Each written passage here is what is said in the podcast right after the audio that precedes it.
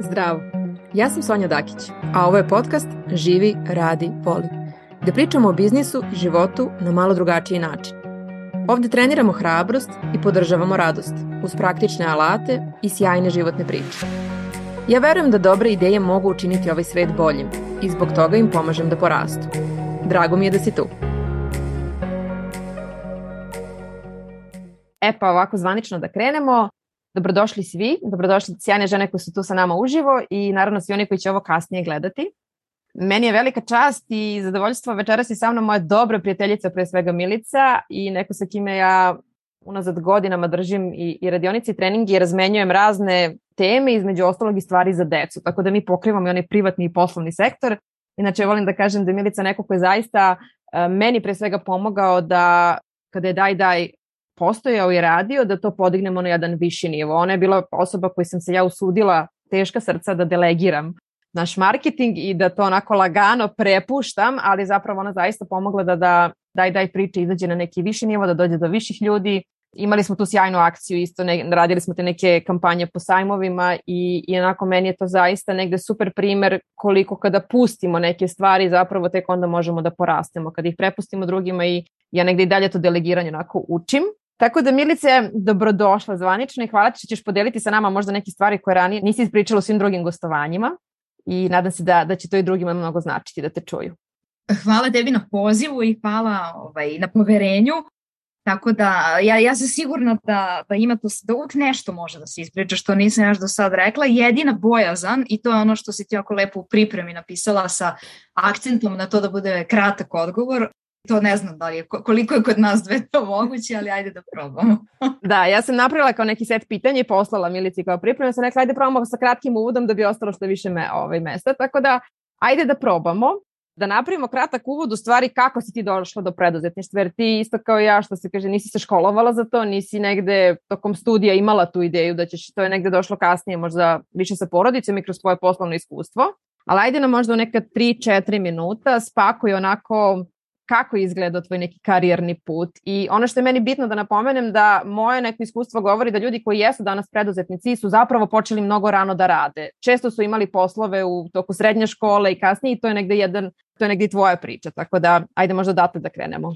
Da, mada Anđeli nisu moje prvo preduzetništvo, prvo je bilo za vreme studija, a ja mislim da je možda najviše uticalo okruženje u kom sam rasla zato što je tata bio preduzetnik još ono 80. godina u Jugoslaviji kada je to bilo on ne znam šta je moglo gore da bude kao znaš kada to se zvalo privatnik u stvari tada i to kao šta on radi i onako sve oko sa sažaljenjem kao anje privatnik kao otprilike debil nije mogu nigde da se zaposli pa eto kao radi svoj posao a njemu je ta sloboda koju preduzetništvo daje od uvek bila jako dragocena i nije ga nikad mrzelo da radi, on ima jako svoju malu proizvodnju ambalaže za pekare, pice i slično i stvarno je uživao u tome radeći i, i uživao u prodaji. Stvarno je, ono, mogao je da proda pingvinima frižider, što kažu. A mislim da sam tako, gledajući njega i njegov posao i kako to sve ide i šta ti to donosi, ja zapravo zavolela to preduzetništvo. Opet mama je bila zaposlena, ona je vodila proizvodnju u jednoj fabrici i ona priča kao naše mame dođu u dva i zaborave posao, to kod nje nikad nije postojalo, jer fabrika, fabrika radi o tri smene, nju su se jako često zvali iz druge i treće smene i neretko čak se vraćala u fabriku da nešto tamo prekomponuje, zato što je njen posao faktički bio da od postojećih sirovina planira proizvodnju, a znamo svi da stvari nikad ne idu kako planiramo. Tako da gledajući, mislim, njih dvoje, to nikad kod mene nije postojalo pitanje kao, ne, nekad je kao da li posao ili karijera, to meni nikad nije bilo dilema, prosto uvek se znalo da je, ne, htela, htela sam kažem, što je podsvest, htela sam kažem porodica ili karijera. Znalo se uvek i porodica i karijera, samo što pitanje je više bilo koji, koliko koja karijera i koliko njih u stvari. Jer ja od kad znam za sebe zapravo ne radim jedan posao, uvek radim nešto kao dve, tri neke stvari. Tako da Počela sam da radim još u srednjoj školi kao novinar na RTS-u. Sve vreme studija sam radila. Studirala sam italijanski i negde na nekoj trećoj godini fakulteta se pojavila potreba da ja fabrikama s, koje sam, s kojima sam radila zapravo zvanično fakturišem svoje usluge, da to ne bude na nekakvim ugovorima o delu. I to je u stvari moja prva preduzetnička radnja. Znači moj način da ja legalno sarađujem sa ljudima za koje sam tad prevodila je u stvari bilo moje prvo preduzetništvo ali tada nisam još uvek razumela da u stvari je to moj put. Nekako to sam doživljavala kao neki, neki, neko usputno rešenje dok se ja ne zaposlim, ne znam ni ja gde. To je najpre bila Jafa, pa potom Foodland i, i sa Foodlanda sam zapravo otišli, otišla sa pozicije direktorke marketinga na svom drugom porodiljskom. Ta, tad smo onako suprug ja stidljivo krenuli da pravimo anđele sa idejom da ako ne budu uspeli da se ja vratim u kancelariju, ne, nečiju tuđu, a ne svoju, ali srećom uspeli su tako da to je nekako, eto, u najkraćim crtama otkud ja u preduzetništvu i šta mi ono u stvari znači.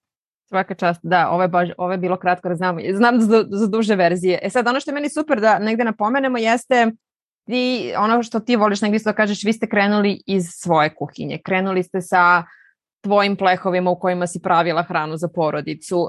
Oboje ste negde iskusni u marketingu i izuzetno iskusni u marketingu, to je svakako doprinelo da kažem negde pozicioniranju Anđela na pravi način, ali ste opet krenuli sa tim da ne uložite ludilo neki novac, vaša politika je bila da taj, taj posao mora da dokaže, to je mora da zaradi pare sebi za dalje razvoj. Danas i ti ja kad radimo dosta sa ljudima koji imaju neku ideju, onda oni imaju ono očekivanja, treba mi ovo, treba mi super biznis plan, treba mi ovakva oprema, znači kao hiljadu nekih super uslova, znači posebnih uslova za rad i onda ih to u stvari to negde budu izgovori zašto ne kreće. Sad, Volio bi samo da se dotakneš te teme kakav je to kao osjećaj bio peći u svojoj kuhinji, u svojim plehovima i pakovati te kolače isporučivati ih. I onaj deo koji meni isto jako značajan i mislim da je ljudima jako koristan, zašto ste sami isporučivali kolače prve dve ili tri godine? Znači zašto je Mića koji je direktor, bivši direktor marketinga B92, znači koji je rad, zaista radio na značajnim pozicijama, bio čovek koji je seo na svoju Vespu i vozio se po celom Beogradu i isporučivao kolače. Sigurno da je to mogo neko drugi da radi.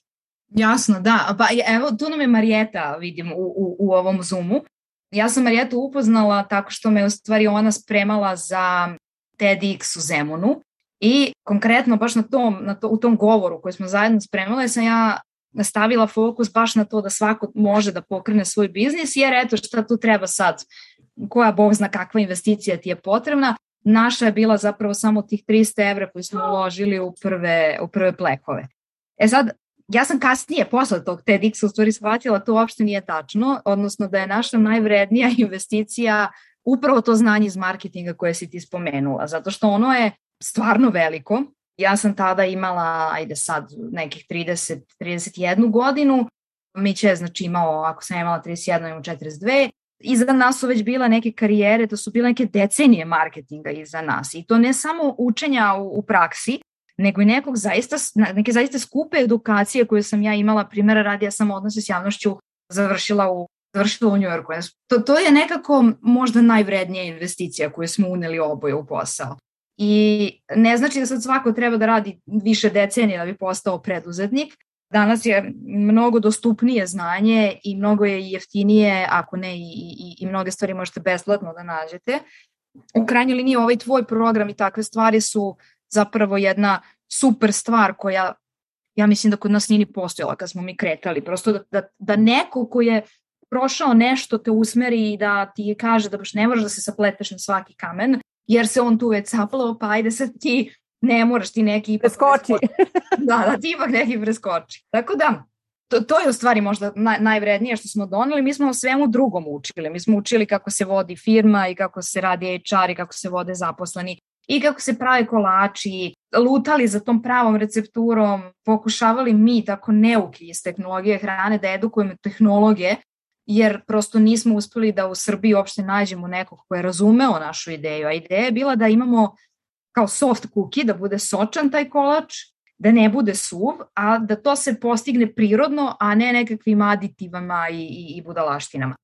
Tako da smo mi svašta učili u hodu, a eto taj marketing smo zapravo zapravo znali, mada i dalje učimo o njemu, prosto te se, ono, iako u svojoj suštini psiholog, psihologija potrošača se ne menja, ali se tržište menja i trendovi i, i način na koji se dolazi do, do kupca su novi, tako da stalno nešto, stalno nešto učimo. E sad ono što je najosnovnije, što ti, sama Sonja znaš kad radimo o, o zajedno obuke nekih malih preduzeća, da obavezno prođemo kroz tu audience personu, odnosno tog idealnog kupca kome oni treba da se obraćaju, mi smo rešili da upoznamo lično te naše kupce I zato od, od, odatle ta dostava. Dakle, lako smo mogli da u cenu uračunamo neku dostavu ili da prosto naplaćujemo kupcima dostavu, kao naručiš neke kolače, pa nam to platiš još, ne znam, neki post ekspres, ali je nama bilo važno da u početku prosto prvo da iskontrolišemo taj ceo proces, znači da ako smo se već toliko trudili oko nekog sajta i nekih društvenih mreža i oko te ambalaže i oko tog kolača,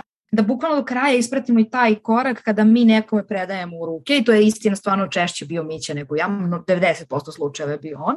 A drugo, mi smo zapravo time dobili jedan vatan uvid u naše e, kupce koji se jako mnogo plaća kada se on radi u vidu nekakvog istraživanja i kada nekom zvoniš na vrata i ono otvori da primi te kolače, ti zaista vidiš zašto ih je naručio. Da li je naručio za sebe, za dete, za babu, da li je to njemu nekakva sitnica u troškovima ili mu je bilo možda, možda izazov da izdvoji taj novac za te premium kolače, ali je rešio baš za to da da, a ne za, ne znam, ja polominu stolicu koja se vidi iza njega. Tako da, to jedno skeniranje tržišta, to je, to je zaista neprocenjivo i zato smo mi onako samouvereno dalje, kad smo kretali u pregovore sa lancima, tvrdili da mi znamo ko je potrošač, jer mi smo zaista lično upoznali stotine i stotine naših, naših potrošača. E sad kako je biznis rastao, to je jednom trenutku više čak nije ni bilo moguće. Mi smo prvo hteli da kloniramo Miću, pa nismo uspeli, pa smo pozvali kolegu koji je u, u, u vrednostnom smislu vrlo sličan kao mi i kad se pojavi na vratima to je ono kao da smo mi otišli sad nažalost ili na sreću oslanjamo se često i na kurirske službe, mada od kad je prošla pandemija, odnosno nije prošla, ali od kad je prošla onaj prvi lockdown, vidim da su i kurirske službe malo ipak rade, rade bolje nego što su ono, užasno radile za vreme lockdowna. Da, bili su ekstremni uslovi. Tako da, ali ono što isto meni negde interesantno, a da kažem da, da prođemo kroz to, kada se setiš tih nekih početnih godina, ajde, to je svima uvek izazov, Anđeli sada postoje 8 ili 9 godina, ili tako? 9, da. Znaš kako ja znam, izvini što te prekidam, pošto da me pitaš sad kad su počeli anđeli, ja bih te rekla pa pre, pre 4-5 godina. Ali pošto sam bila na porodiljskom, onda koliko nada ima godina, toliko postoje anđeli. To, A to, to je 9.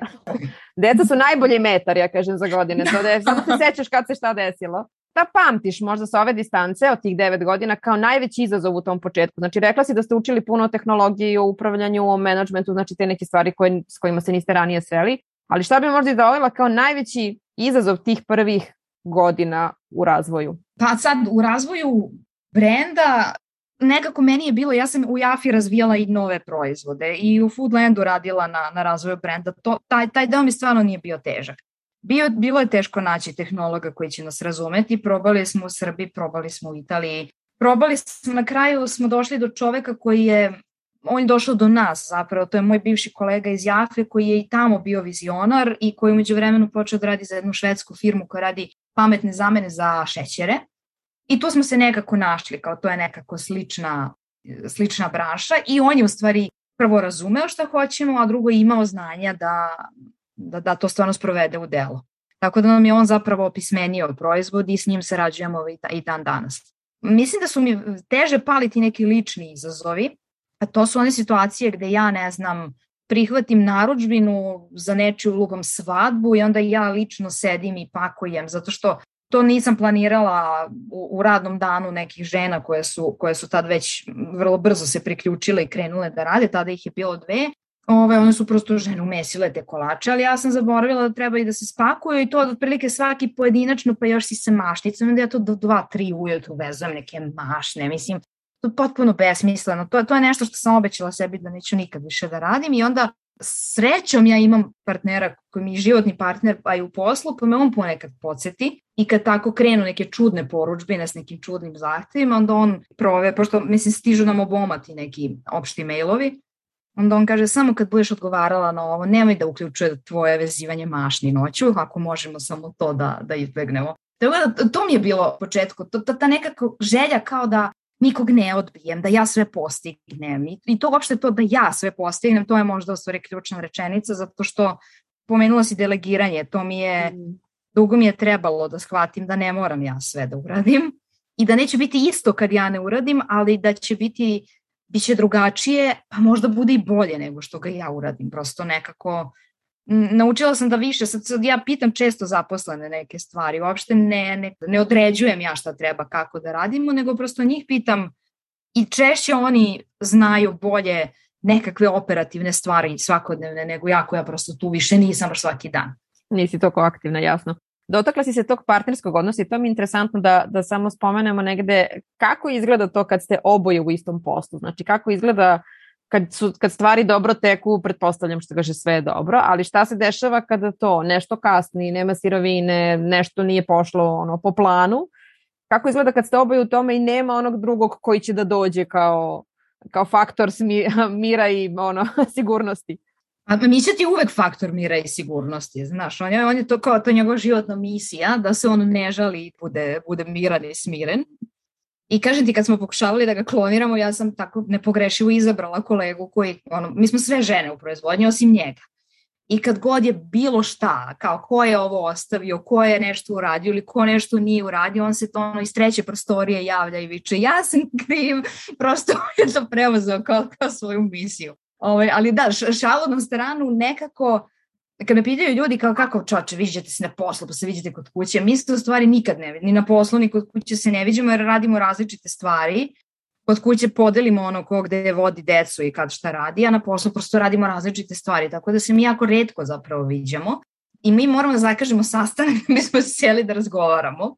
Zapravo ne znam šta da ti kažem, nema neke naročite razlike u odnosu na to da imam nekog tamo drugog kolegu.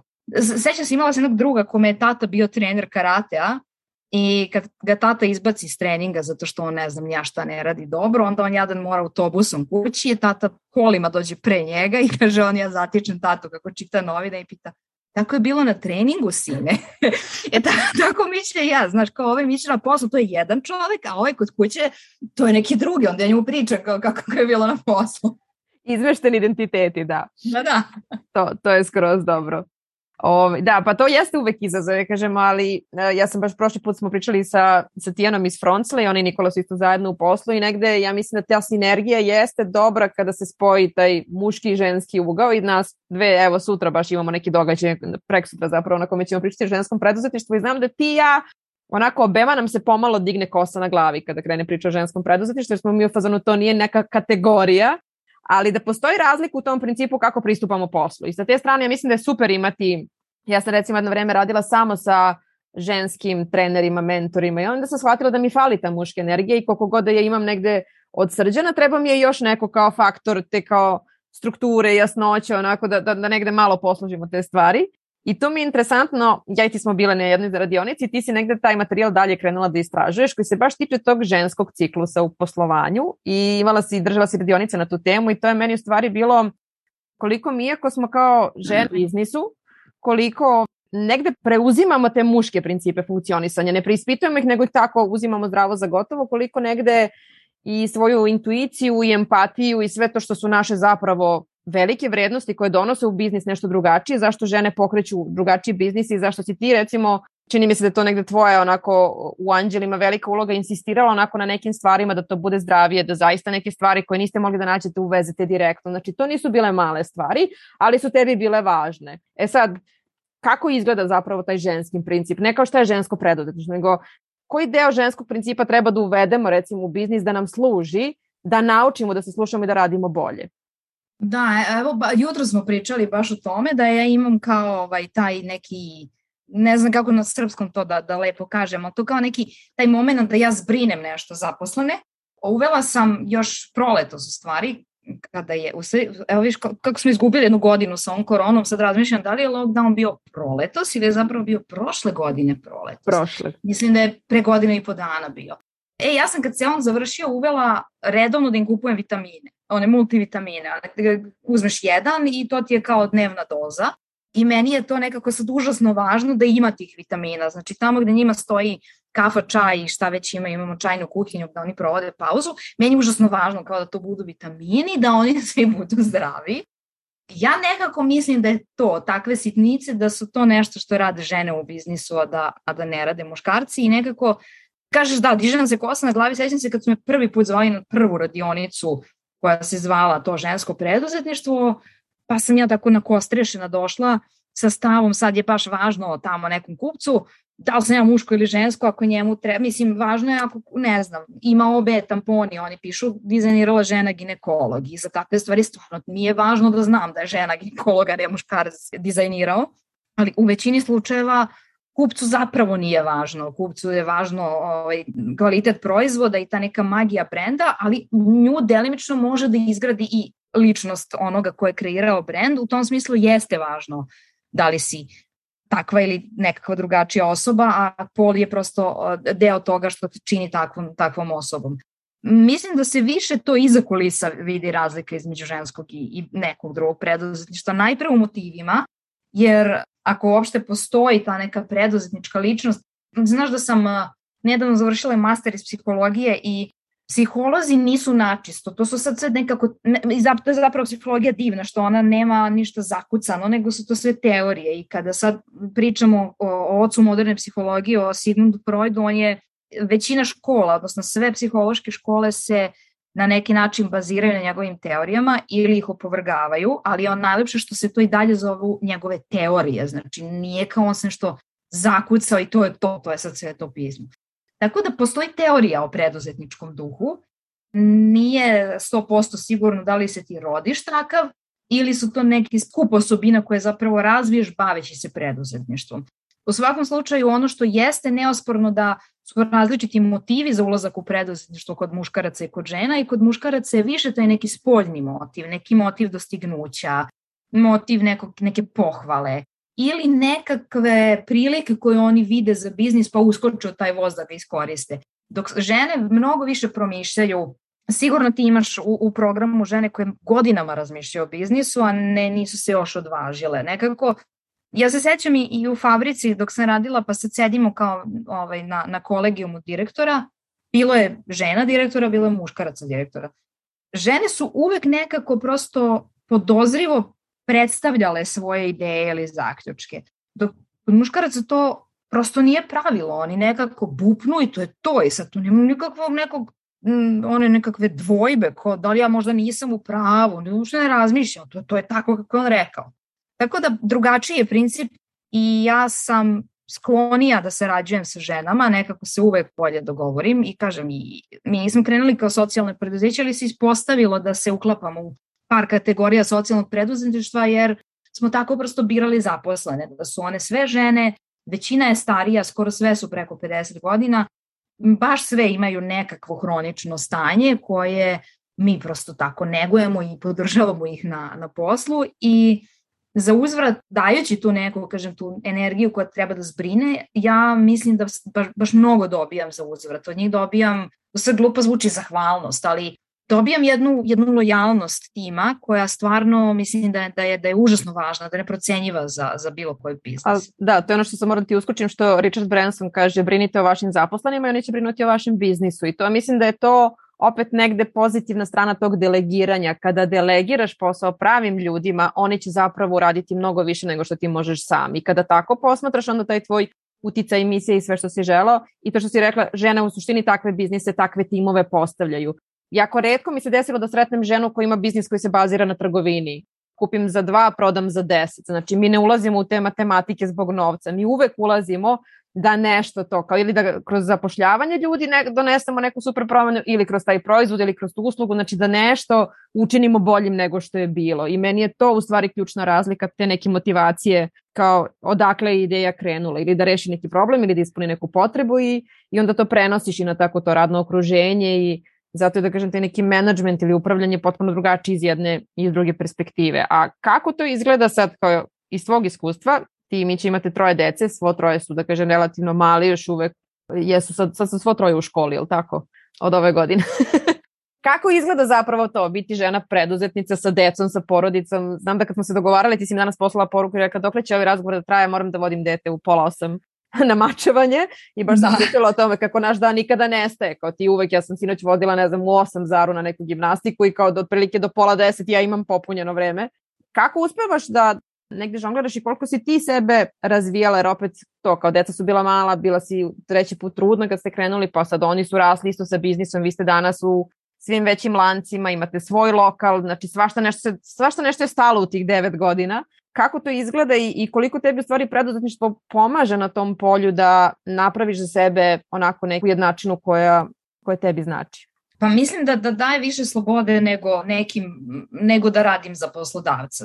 Ne samo moje neke lične slobode, što mi je bio zapravo motiv kada sam uh, rešila da da zapravo ne radim u, u, u fabrici, odnosno u firmi, odnosno korporaciji, ajde to se tako sad lepo, lepo ovaj zove. Tek sad ja u stvari shvatam, nama je najmlađe dete ove godine krenulo u prvi razred, išlo je tri dana u školu i onda je u nedelju uveče stigla poruka da od ponedeljka je online zato što troje dece u odeljenju imaju koronu. I pritom to, no, oni još ne znaju da pišu, ni slova, ni brojeve, ništa, što znači, znaš, tek sam shvatila koliko, čemu služi zapravo škola, ono da te, da te nekako uči da ti odgovaraš na potrebe sistema zapravo. Ja njoj napišem naslov u, u svesci, kako je, ne znam, nešto je pisala, pa je sad došla ova leva strana, a svi smo uvek volili da pišemo na onoj novoj desnoj. Sad njoj napišem naslov, a ona crta tu gde se njoj sviđa. Zato što prosto njoj nikad, ona još nije imala taj čas u školi gde neko kaže ne preskaču se strane, piše se ne znam naslov, prosto to sve što mi kao podrazumevamo, oni tek sad nešto uče. I, I onda sam se požalila jednoj od tih mama iz odeljenja kako mi je strašno naporno da se trčim sa posla kući. Ja sam danas dva put bila na poslu i vraćala se. Preto mislim, ne mislim na ovoj pored kući, nego na vrčaru.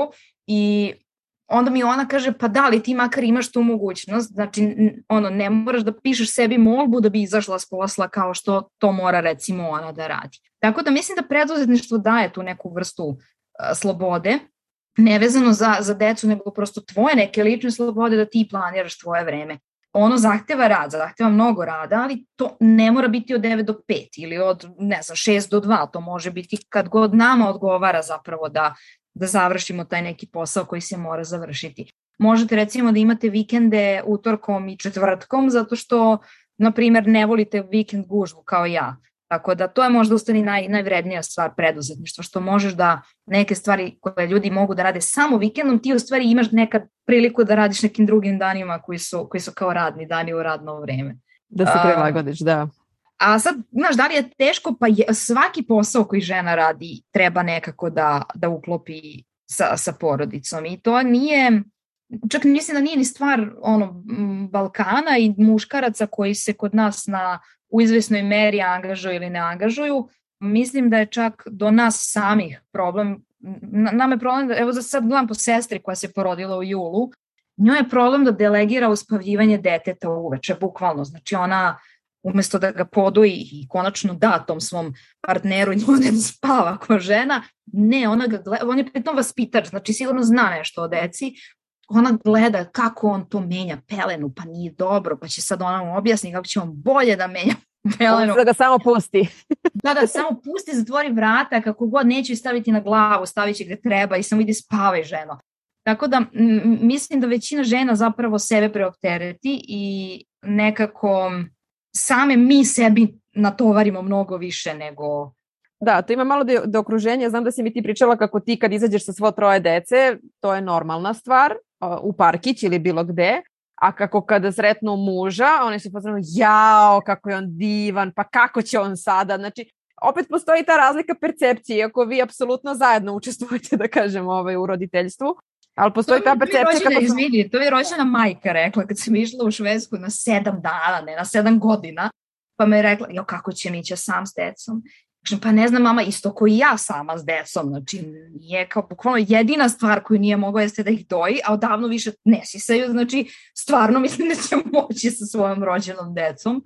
Tako da mi svi to radimo, odnosno da. okruženje to prosto radi. Re, redko ko je ovde čuj, čak i puno radim sa šveđanima i u Švedskoj, čak i kod njih gde je zakonom obavezno da podeliš sa partnerom porodijsko odsustvo, odnosno odsustvo radi nege deteta, čak i tu prosto mame nekad, zato kažem, mislim da mi same prosto sebi to nametnemo, gde mame nekako imaju utisak da su one više nezamenjive nego očevi, mm -hmm. ajde da to tako lepo formuliš, da ih ne uvredi.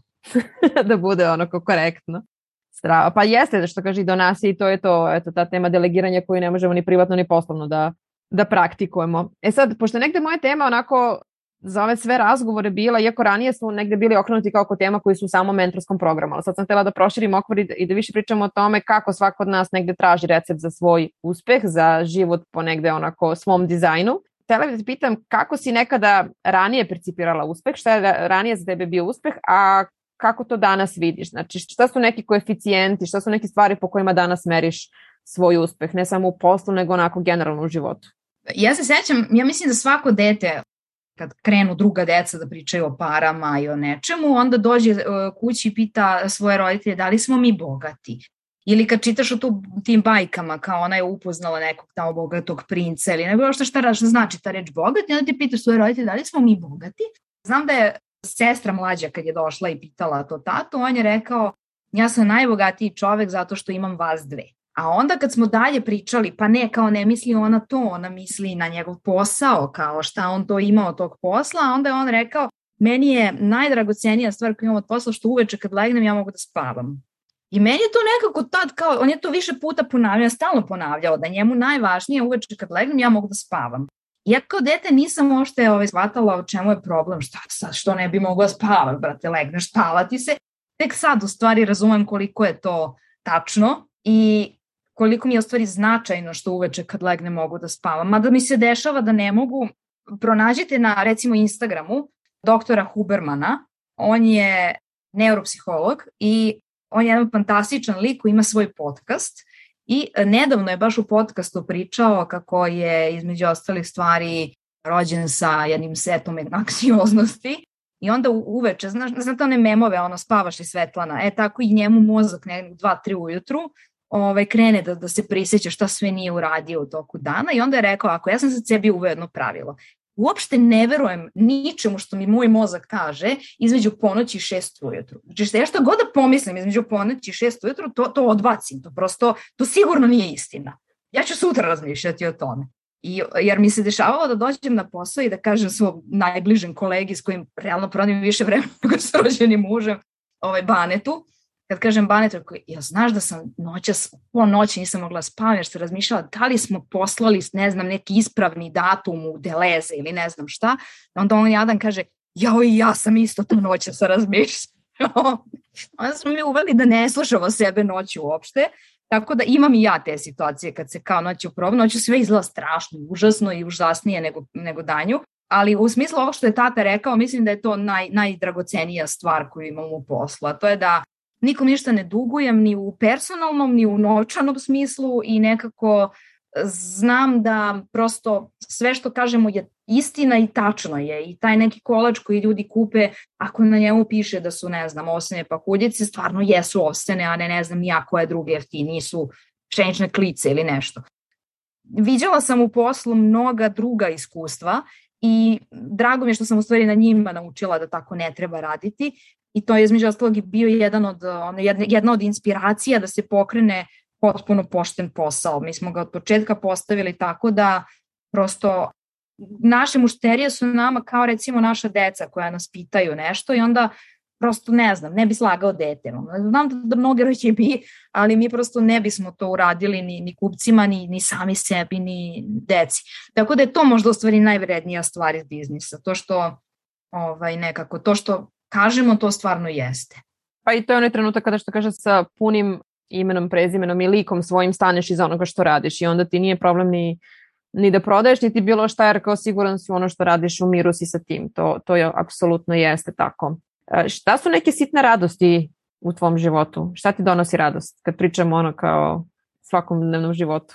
E, smeće mi se, a me je jako važno da nekad mogu da ostanem sama kod kuće, a to se skoro nikad ne dešava. I onda kad recimo muž odvede decu kod svoje mame na, na plac, a ja ostanem sama na taj ceo dan, meni je to užasno dragoceno vreme, zato što inače sam introvertna osoba koja nema problem s javnim nastupima i voli ljudi, voli razgovor, ali onda treba prosto neko to vreme nasamo da se ja prosto resetujem Tako da mi je to u stvari kao ta najgluplja sitna radost i onda ja jedem, ne znam, picu, a ni nešto zdravo kao jer deca ne gledaju i gledam neke serije, tako nešto sama radim. I, ono, na, i, i skoro sam, tek sad, znači ja sam, ja sam osoba koja nikad ništa nije vežbala, nikad ništa nisam trenirala, plesala sam nešto, ali nikad nisam se bavila nikakvim sportom prosto.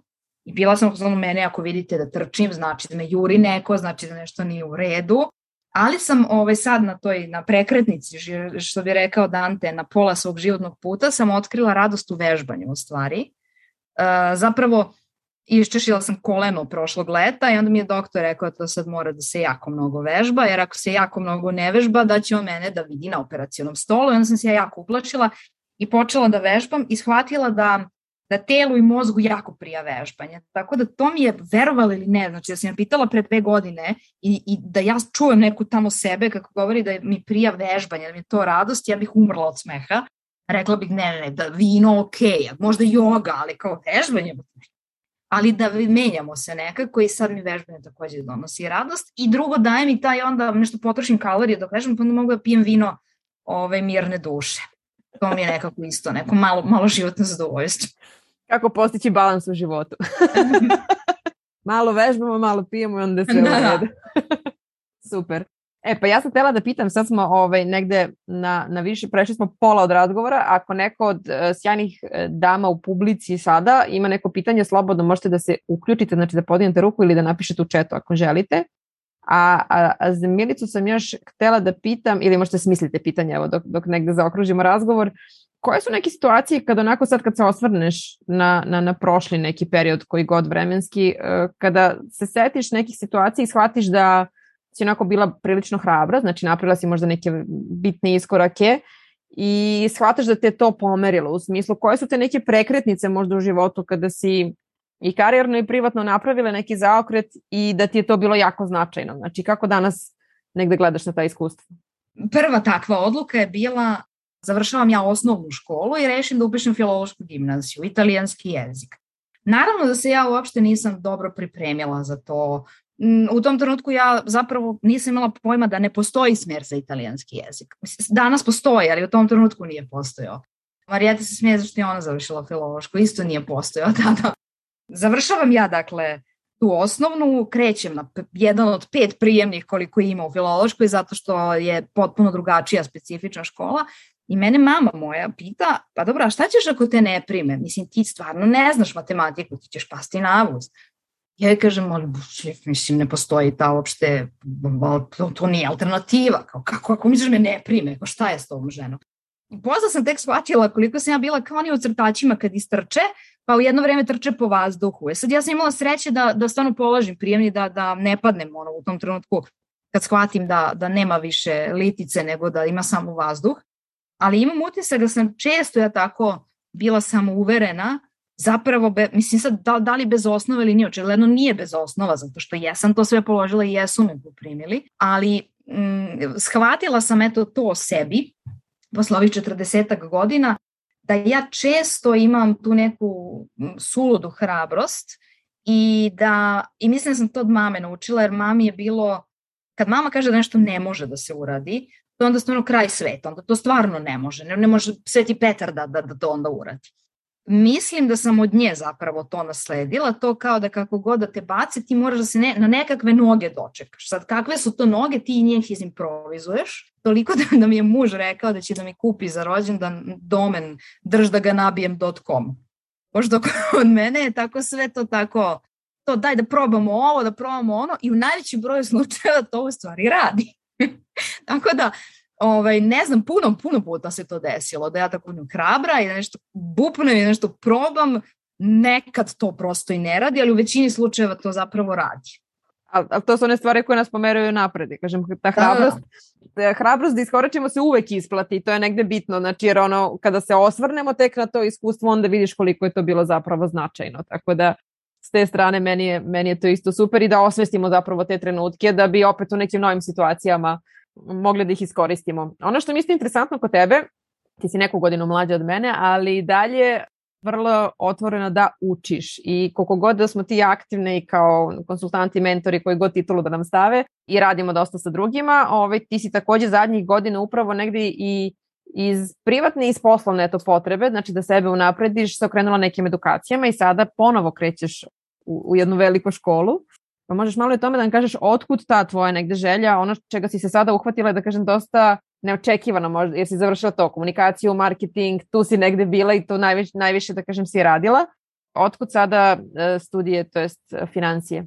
Da, prethodno je bilo psihologija, a sada je Da, inače moram da vas usokolim da stalno tražite besplatne edukacije na internetu zato što to je nekako moja pasija i uspela sam da dobijem jedan ceo semestar gratis na New Yorkskom univerzitetu preko University of People. Dakle, googlajte University of People, to je zapravo jedan izraelski NGO koji daje vrlo često stipendije za ovaj, sad, znaš, kako možemo da kažemo neka kao ono jevrijska mreža, potpuno je nebitno šta jeste zapravo, znači jesu to, to neke, ovaj, na, na, na tim um, osnovama su povezani sam NGO i univerziteti na koje možete da aplicirate, ali trenutno, bukvalno pre neki dan sam počela uh, MBA na, na New Yorkskom univerzitetu i to baš sam izabrala financije, zato što mi to nekako, znaš kako, ja sam u filološku otišla jer sam želela italijanski, ali sam takođe vrlo uspešno pobegla od matematike i nikad je nisam volela i onda me na kraju sačekala,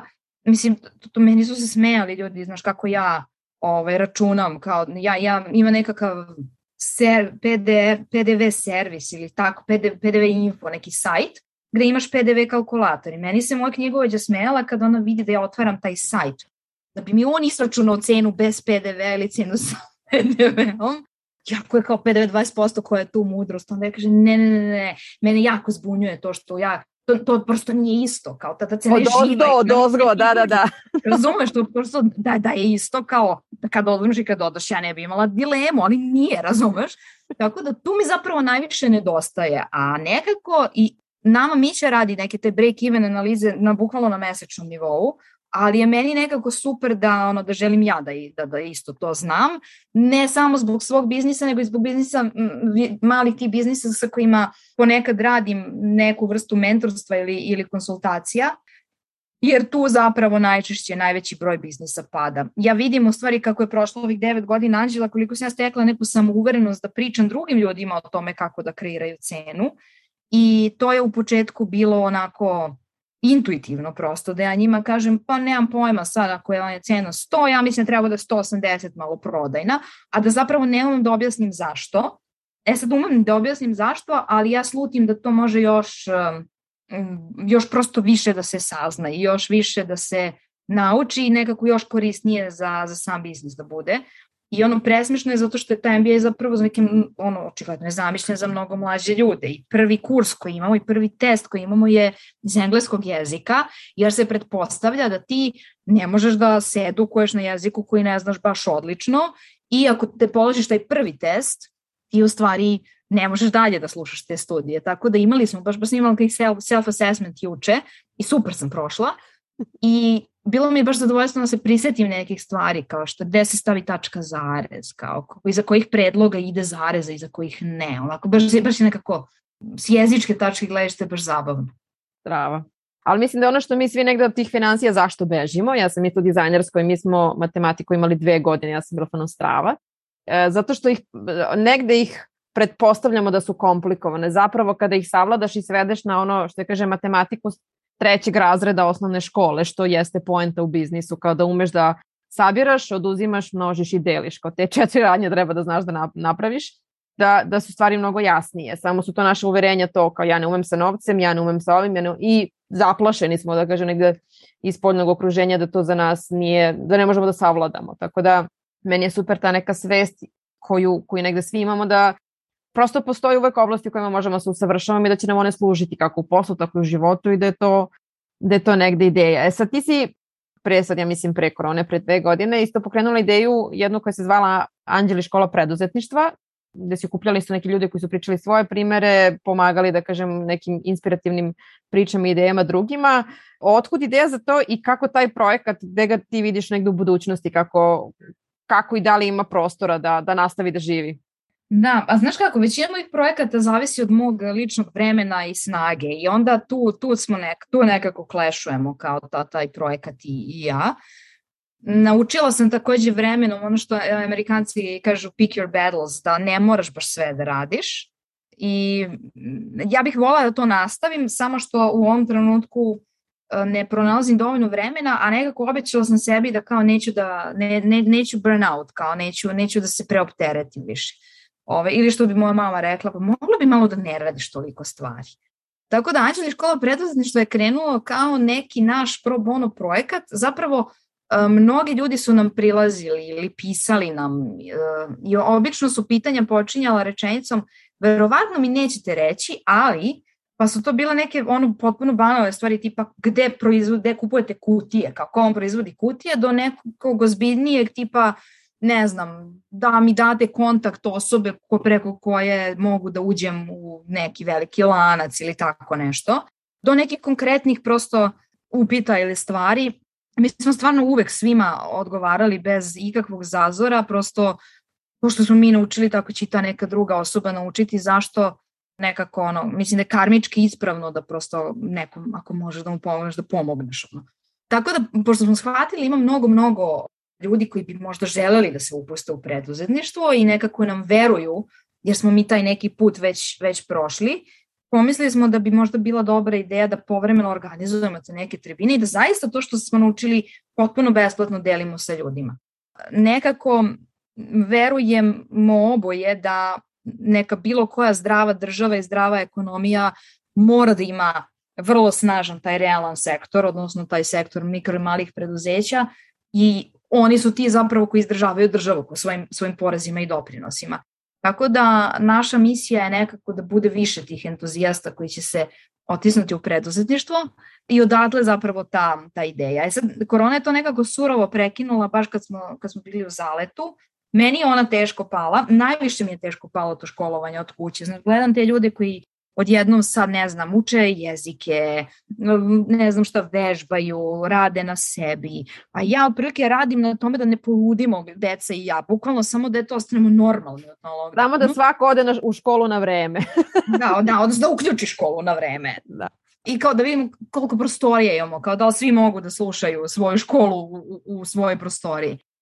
Tako da meni je to u stvari, te, te, realno teško mi je pala. Znaš, nekako kad se osvrnem, nismo doživeli neki pad u prometu, super smo mi to izgurali, imali smo, bili smo vrlo kreativni, čak smo nešto imali razvoz, dovozili zaposlene, vraćali zaposlene, ali, ali je to sve nekako mene koštalo mnogo snage i zato je u stvari uh, obustavljena. Da, da, tim pre što sam za vreme te, te vanredne situacije pokrenula je grupu Glas preduzetnika, koja je, mislim, tada bila nužna da bi država shvatila da su mala i mikro preduzeća u baš velikom problemu.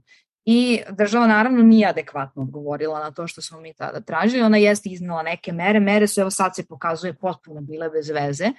Taj reprogram užasno opterećuje danas, jer su to neki, pored redovnih doprinosa, plaćamo i ono što je trebalo da platimo onda kada nam je potpuno bilo onemogućeno i zabranjeno da radimo. Ali ovaj, to je nekako ono, ne, ne pravimo mi pravila, kao izabrali smo da ovde živimo i radimo, tako da onda, onda ono što ne možeš da, da promeniš, to onda da prihvatiš i kažeš dobro, ajde vidimo šta sad s tim da radim. Tako da ja planiram da ona nastavi. Možda da, sad si me inspirisala. Možda ovaj neki online format uopšte nije loša ideja za, za Anđeli školu preduzetništva. Pa i mislim da je to super kod online-a, da kažem opet mogu ljudi da se uključe sa raznih lokacija, ali takođe što može da ostane taj neki uh, pisani, to je snimljeni trag. Znam da ljudi koji su dolazi na tribine koji su bili u fazonu, ovo bi bilo super da ne znam, da se snimi, da ostane, yes. jer uh, meni je negde ideja i ovih razgovora koji su za do sada uvek bili zatvoreni u programu, znači bili su samo za ljude u programu i kažem, obično smo gađali tako neki, ja sam uvek pozivala ljude koji su vezani za teme koje recimo tog meseca radimo, pa kroz njihov primer pričamo više o financijama, o ne znam, o biznis modelu, o marketingu i tome.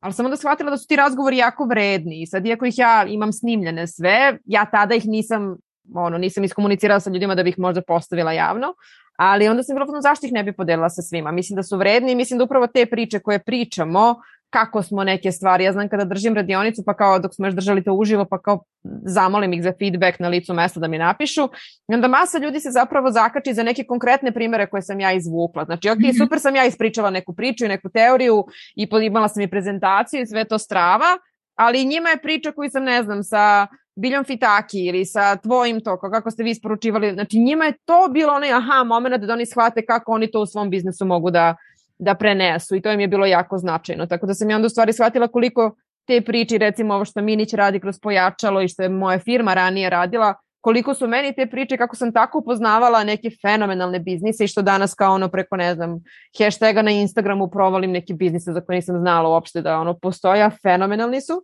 Tako da mislim da nam zbog toga negde treba više takvih priča da prosto shvatimo da nismo sami u tome i da to da smo mi zapeli, zapelo još 50 pre nas i što ti kažeš možda ne moram ja da padnem na svaku, možda neko može nešto mi kaže pa da me prenese preko neke od tih prepreka, ali to, to jeste ta lepota negde mentorstva gde smo i, i učenici i učitelji u isto vreme, onako okrenuti smo na, na obe strane. Gde ti sebe vidiš za onako sebi posao za nekih deseta godina. Znam da mi što imamo decu, mi obično prvo saberemo koliko deca imaju godina, to nam je ono kao gde su dece, pa onda u odnosu na to se postavimo, ali šta je tvoja neka slika onako sad kroz sve lekcije koje ste do sada prošli, kako bi ti volala da se, da se negde sve to razvija? Imam jednu drugaricu koja ove godine prvi put bez dece otišla na more, ona i muž, i non stop sad izbacuje, sad su na moru i no, svaki dan bukvalno izbaci nešto na Facebook kao evo, nema sad ko da ode da obiđe ceo akvapark, da nam kaže gde šta ima, da kaže gde je sladoled i pošto, eto, sve moramo muž i ja sami. I sad ja gledam i pozvam sam live goals čoveče, ja jedva čekam da moram da idem sama da im ne sladoled i da niko ništa ne traži i ne pita. Tako da to je nešto čemu se, čemu se radujem. To, to znam da će biti jako veliki izazov kada oni budu svi u pubertetu, ali s jedne strane znam da će onda imati mnogo više vremena tog operativnog vremena. Znači, nema to kao sad ja moram da vodim nekog na trening ili negde ili negde, prosto, evo, najstarije dete, on vrlo često, on sam ide na trening i sam ide s drugarima i sam ode do radnje, on zapravo ovaj vrlo malo stvari već kao traži da da se on da da mi njega nešto servisiramo to je vreme koje provodimo s njim i onda teže u smislu da su to nekakvi razgovori koji treba da imaju neku dubinu, koji su nekada i neke njegove brige i, i strepnje, ali eto to je možda prva stvar koja će mi baš mnogo značiti, a to je a, to neko slobodno vreme i volela bih da napišem drugu knjigu nekada u životu, možda i još neku, ali moja zapravo cijela ova moja karijera je počela potpuno slučajno, ja sam u filološkoj mnogo pisala, imala sam divnog mentora za pisanje profesora književnosti pokojnog profesora Naumovića i on je taj koji je zapravo jednu moju pripovetku poslao anonimno pod šifrom na konkurs legata Borislav Pekić, pa me posle je nagrade zapravo osokolio da sledeće godine sama apliciram na isto to takmičenje i tu sam osvojila što je bio presedan dve nagrade dve godine za redom taj, taj, tu nagradu i oni su finansirali štampanje moje knjige pripovedaka i onda zezam se uvek, tad sam se zvala Milica Ličina i sad moram kao, znaš, kao ta osoba negde tamo postoji, ali ovaj, sad mora Milica Čalija da izdaje neku knjigu. Tako da to me u stvari privlači, to, to pisanje što nekakve stručne literature, nekakve tipa preduzetničke, što nekakve beletristike, ajde da je tako bez veze nazovem, ovaj, bavim se već e, godinama, to, to mi je kao hobi u stvari neki, kome posvećujem jako malo vremena jer ga prosto nemam mnogo. Istražujem neku istoriju svojih pretkinja i onda ovaj, skupljam sve do čega mogu da nađem. Čak sam nedavno u arhivu Beograda našla neke jako stare njihove e, krštenice i njihove prijave boravka u, u, na, na adresama gde su tada stanovale. Tako da to mi je kao neka, ono, neki san i, i plan za, za budućnost, da nekada to sve složim u neku knjigu ili dve. To, to bih volela. E sad, nadam se da će anđeli postojati i da će oni ne samo za 10, nego za, ne znam, 15, 20, 30 godina, da će neko od ovo troje dece biti zainteresovan da to na neki način nasledi. Ali, eto, nadam se da ću ja u stvari biti tu kao neki ono, ne menadžer, nego kao konsultant u stvari u rođenoj firmi. To mi je u stvari cilj. Ali ono kako, e, kako ide tvoja titula na Facebooku? Spell... Uh, Spellcaster. Spellcaster, da, to, to, to će ostati tvoja pozicija zapravo u Anđelima za uvek. Meni je to potpuno ono, super bilo. I znam kad smo radili neke kampanje za za daj daj. Ono što je meni sad recimo razmišljam dok ti pričaš sve vreme šta je meni bilo možda najznačajnije, mislim da si ti meni pomogla da ja izađem iz svoje kutije od daj daj. Sećam se kad si pričala kao da smislimo neku kampanju, onda si ti rekla ja, zamisli napravimo to, neke male patuljke, pa oni tamo žive, pa prave te pele. Onda si ti izmislila neku totalnu priču, ja sam rekla, bože, mene on nikad ne palo na pamet. jer sam se ja držala nekih onih dizajnerskih okvira, znaš, kao sam rekla, to mora da bude lepo, to mora da budu ove boje, to mora da budu te fotografije. Onda si ti razbucala te ove moje stvari. I kao bilo pa za ajmo ovo, ajmo ovo, tako smo napravili onu čuvenu postavku sa pelenama na festivalu cveća u Manježu i tako neki onako okviri koji su zapravo mene oslobodili, bilo sam pa da stvarno i mislim da danas baš kroz tu komunikaciju sa društvenim mrežama imamo priliku da nešto, znaš, kao da testiramo nešto i da vrlo brzo dobijemo reakciju na što će ljudi da odreaguju i, i da neku, neku, onako, neku porotnu informaciju daju. Tako da mislim da definitivno imaš način da, da u sve uneseš malo onako te kreative i, i magije svakako. Ajde još jedan put zamolim ženice ako imate neko pitanje da se uključite, ja ću postaviti ono kliše pitanje sa intervjua. Mene uvek nerviralo što kad god su me zvali za daj daj za neki intervju, svi su imali pet istih pitanja to kao kako ste počeli, šta mi je bio najveći izazov, ne znam, ko mi, je, ko mi je dao podršku i onda za kraj kao šta bi bila vaša poruka. E sad, ovaj, mene interesuje da, da se negde setiš možda tog opet početnog perioda sa anđelima i bez obzira na svoje iskustvo i to šta si ti sve znala, šta bi onako iz te mentorske strane rekla nekome To sam ja u četu. To je zato što se stide, pošto uvek ima neko ko se stidi i onda mi posle piše tipa dve, tri godine kasnije. ja sam vas gledala to kao da. Da, da, da. Skoro sam bila u radnji zato što sad su nam odmori i neko nam je i bolestan i onda se nešto mi sami dovijamo i radimo s mene čak i u radnji. Skoro sam bila u radnji i ušla je žena da mi kaže da me je slušala u pojačalu i pre mene i posle mene su bili neki tako ljudi koji imaju mnogo velike biznise, ali eto, ovaj, niko nije, vi ste baš tako nešto vredno rekli i mene je to tako inspirisalo, tako da mnogo kasnije se javljaju neki ljudi posle, posle tako. nečega što pričam i onda nekako uh, bolje eto neko ostane taj mail ili mi nađete na nekoj od mreža, samo što ja ne znam, nekad baš ne čitam svaki dan. No, i da se mi se nekada pro, promaknu poruke, zato što prosto puno ih sad ima i i ovaj Viber koga izmisli proklet bio i njegove grupe, ovaj, sad sam ne znam koliko grupa. Najgore mi je ovaj prvi, prvo dva gde mi je dete, tu imamo grupu sa učiteljicom, grupu bez učiteljice, grupu mi koji se znamo još iz vrtića, grupu mi koji smo ovde u kraju i, i ja na kraju Ne znaš gde si, da. Pitam Viber, da. Meni je super bilo, okače, bio neki mem, nisam ga podelila na Instagram, ali je super bio kao priča otac, pa kao, eto, kao, ja i žena smo podelili obaveze oko dece, ja ih budim, ujutro spremam im doručak, oblačim ih, vozim ih u vrtić, onda ih popodne pokupim i odvedem ih u parkić, igramo se, a žena prati Viber grupu. Ja mislim da je to pošteno. da, bukvalno, ženi je teže. bukvalno, da, kao u fazonu, ona ima toliko toga samo da prati. Tako da, evo, kaže Marijeta Milic, imaš poruku na Facebooku već sedam dana. To je taj kanal koji ne radi baš tako. Što je najgore? To, ta poruka, to je nešto sam ja tražila od Marijete. Eto, vidiš. I ona je meni trebala. to je to. Znači ono što da, što bi negde voljela, pošto koja, ja, meni ideja za ove razgovore je bila to da pričamo o hrabrosti, o radosti, o svim ti nekim stvarima koje nas pokreću, zbog čega radimo to što radimo, zašto smo tu i za sebe i za druge.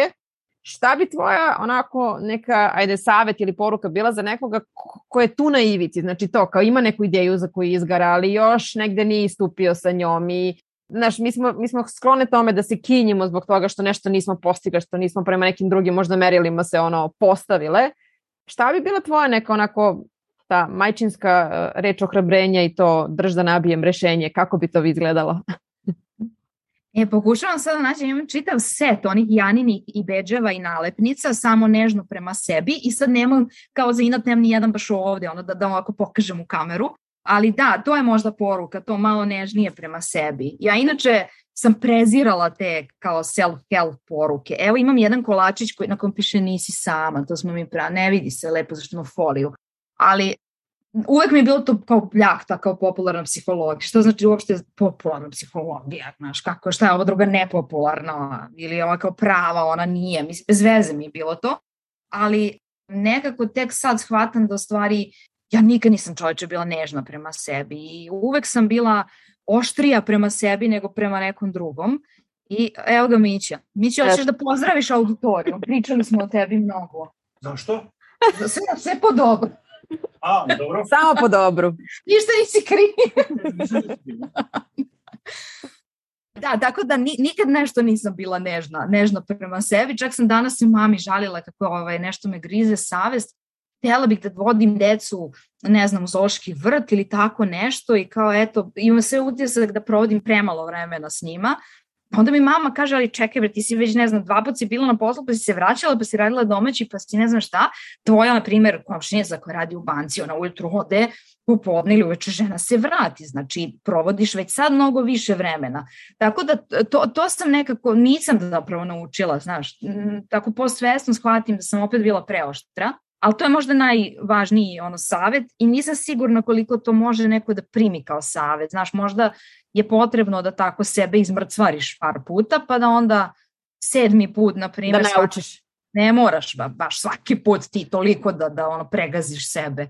Ali to, to primećujem kod sebe, kod svojih drugarica i opet nema veze s preduzetništvom. Znaš, svaka ta mama koja nešto radi, i posebno ako si nešto u nekoj menadžerskoj poziciji u nekoj firmi, a onda dođeš kući i šta radiš, isto si u stvari neki menadžer, nešto sa nekako planiraš, organizuješ, nabavljaš kao nabavka, prodaja, prevoz, distribucija, svim, sve, sve se tim stvarima nešto kao, kao bavimo kad smo mame. Tako da to je, ako može neko to kao da eto samo razmisli, znaš, to samo nešto prema sebi, da nekako Ja, ja sam to deci pisala kao, kao poruke, to da, da, da im negde ostane u podsveti, znaš, da nikad ne pričaju ružno o sebi, zato što mi svi skloni da to kažem, jao kakav sam kreten, jao što sam budala, i samo tako po sebi, što se tovariš stalno, a nikad ne bih tebi rekla, sa ti meni kažeš, Sonja, ne znam, šta si uradila, ja ti kažem, još što si kreten. Nikad ti ne bih to rekla. Prosto sebi, yes. prosto tako olako tako se častimo, znaš. Tako da možda to treba malo da naučimo. Ne vezano za biznis, nego generalno za život. Za život i za sve. Evo Marijeta nam je podigla ruku, ima pitanje, nadam se ili neki komentar. Hoćeš da nas uključiš Marijeta? Ćao Milice, pre svega te pozdravim. Odmah posle ovoga da nastavimo, da. Sonja, Sonji sam već rekla to kao na svakom ovom nekom grupnom okupljanju, kao eto kad niko neće da priča, ja uvek hoću, znaš, kao na mene uvek može da računaš, tako da kao, niko nema pitanja, evo imam ja, nemam pitanja, imam komentare i jedan predlog. Kad si pričala o hrabrosti i kako kako ti tako nekako imaš taj stav, pa ajde da probam. Onda sam se setila upravo onog našeg TEDxa, kad sam te zapravo i upoznala i I kad sam te prvi put videla, došla si na, na, na probu i pričali smo o tome, eto, kao, o čemu bi ti pričala, kako bi predstavila Anđela i onda smo ti rekli kao pa ajde ako, mislim, ne znam, ako hoćeš možeš sad već da probaš kao možda pet minuta ovaj, na sceni i onda je Milica ustala i održala govor. onako, iz rukava, kao, pa da probam, kao, pa što da ne? a nama Vilica na podu, on kao, a, dobro, mi tebi ne trebamo, dođi tad i tad na nastup i kao, i u redu je, ali eto, to je recimo super primjer baš toga, kao što da ne probam, kao šta ima da izgubim. Kao, e, ali to isto radimo, da znaš, meni ste vi mnogo pomogli i ja se toga setim nekada, mada sam ja to učila kod Amerikanaca, znaš, da tebi ako hoćeš baš da napišeš kvalitetno, na primjer, saopštenje, da se ti posle svake rečenice zapitaš so what. Znači sad ja kažem, evo mi pravimo, mi smo napravili, znate, novi proizvod. Pa šta, kao, što, što je to važno? Znači moraš reći nešto zbog čega to stvarno je važno. Znaš, tako da ti relja ste meni baš pomogli da, da bolje formulišem te neke poruke i sećam se da kad sam vam poslala ovaj govor da ste imali te neke kao sugestije to, ali kako si se ti tad osjećala, šta si ti, ne znam, mislila i slično. I to je verovatno vama kao no ko, eto, ništa, mi, mi ti nismo trebali, a u stvari jeste, znaš, to, to, to vidiš, skloni smo svi da u stvari pocenjujemo sobstveni, sobstvene sposobnosti, verovatno.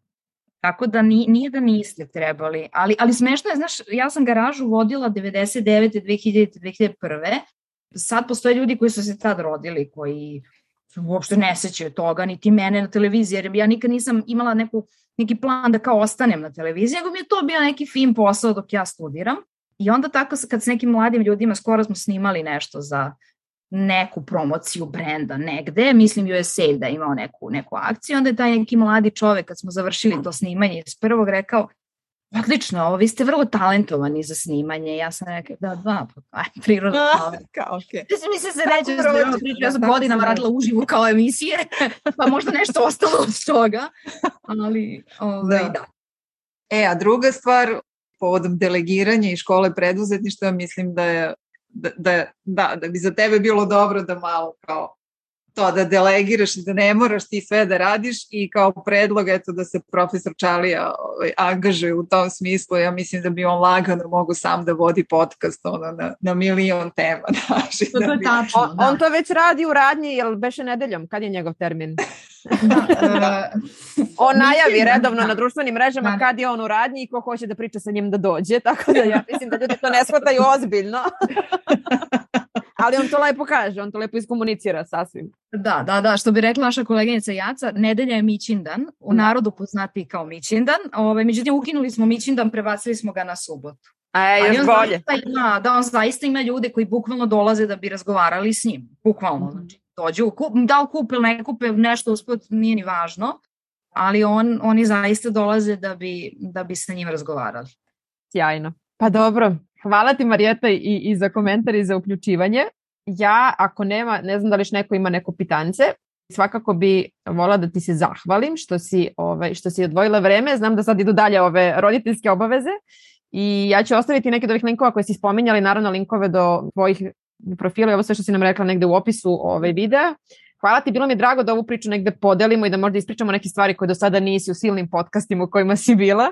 I tako da radujem se dalje da, da pratimo i da radimo zajedno i naravno eto, ostaje otvoreno za onoga ko hoće, slobodno, znači Milici možete se javite za te neke stvari koje smo se dotakli ili što mislite da može da vam pomogne, tu je za to. Tako da hvala svima koji su bili sa nama uživo, hvala onima koji će kasnije gledati i ostaviti neki komentar ispod da znamo da je ovo nekome bilo vredno i drago mi je da eto kroz ove neke razgovore možete da vidite da vredi se usuditi da, da tako neke lude stvari, ovaj, da se zatrčite preko oblaka, kako je rekla Milica, i da, da vas neka zemlja, neka lepa zemlja sačeka s druge strane. Tako da hvala Mica na, na ovom lepom razgovoru.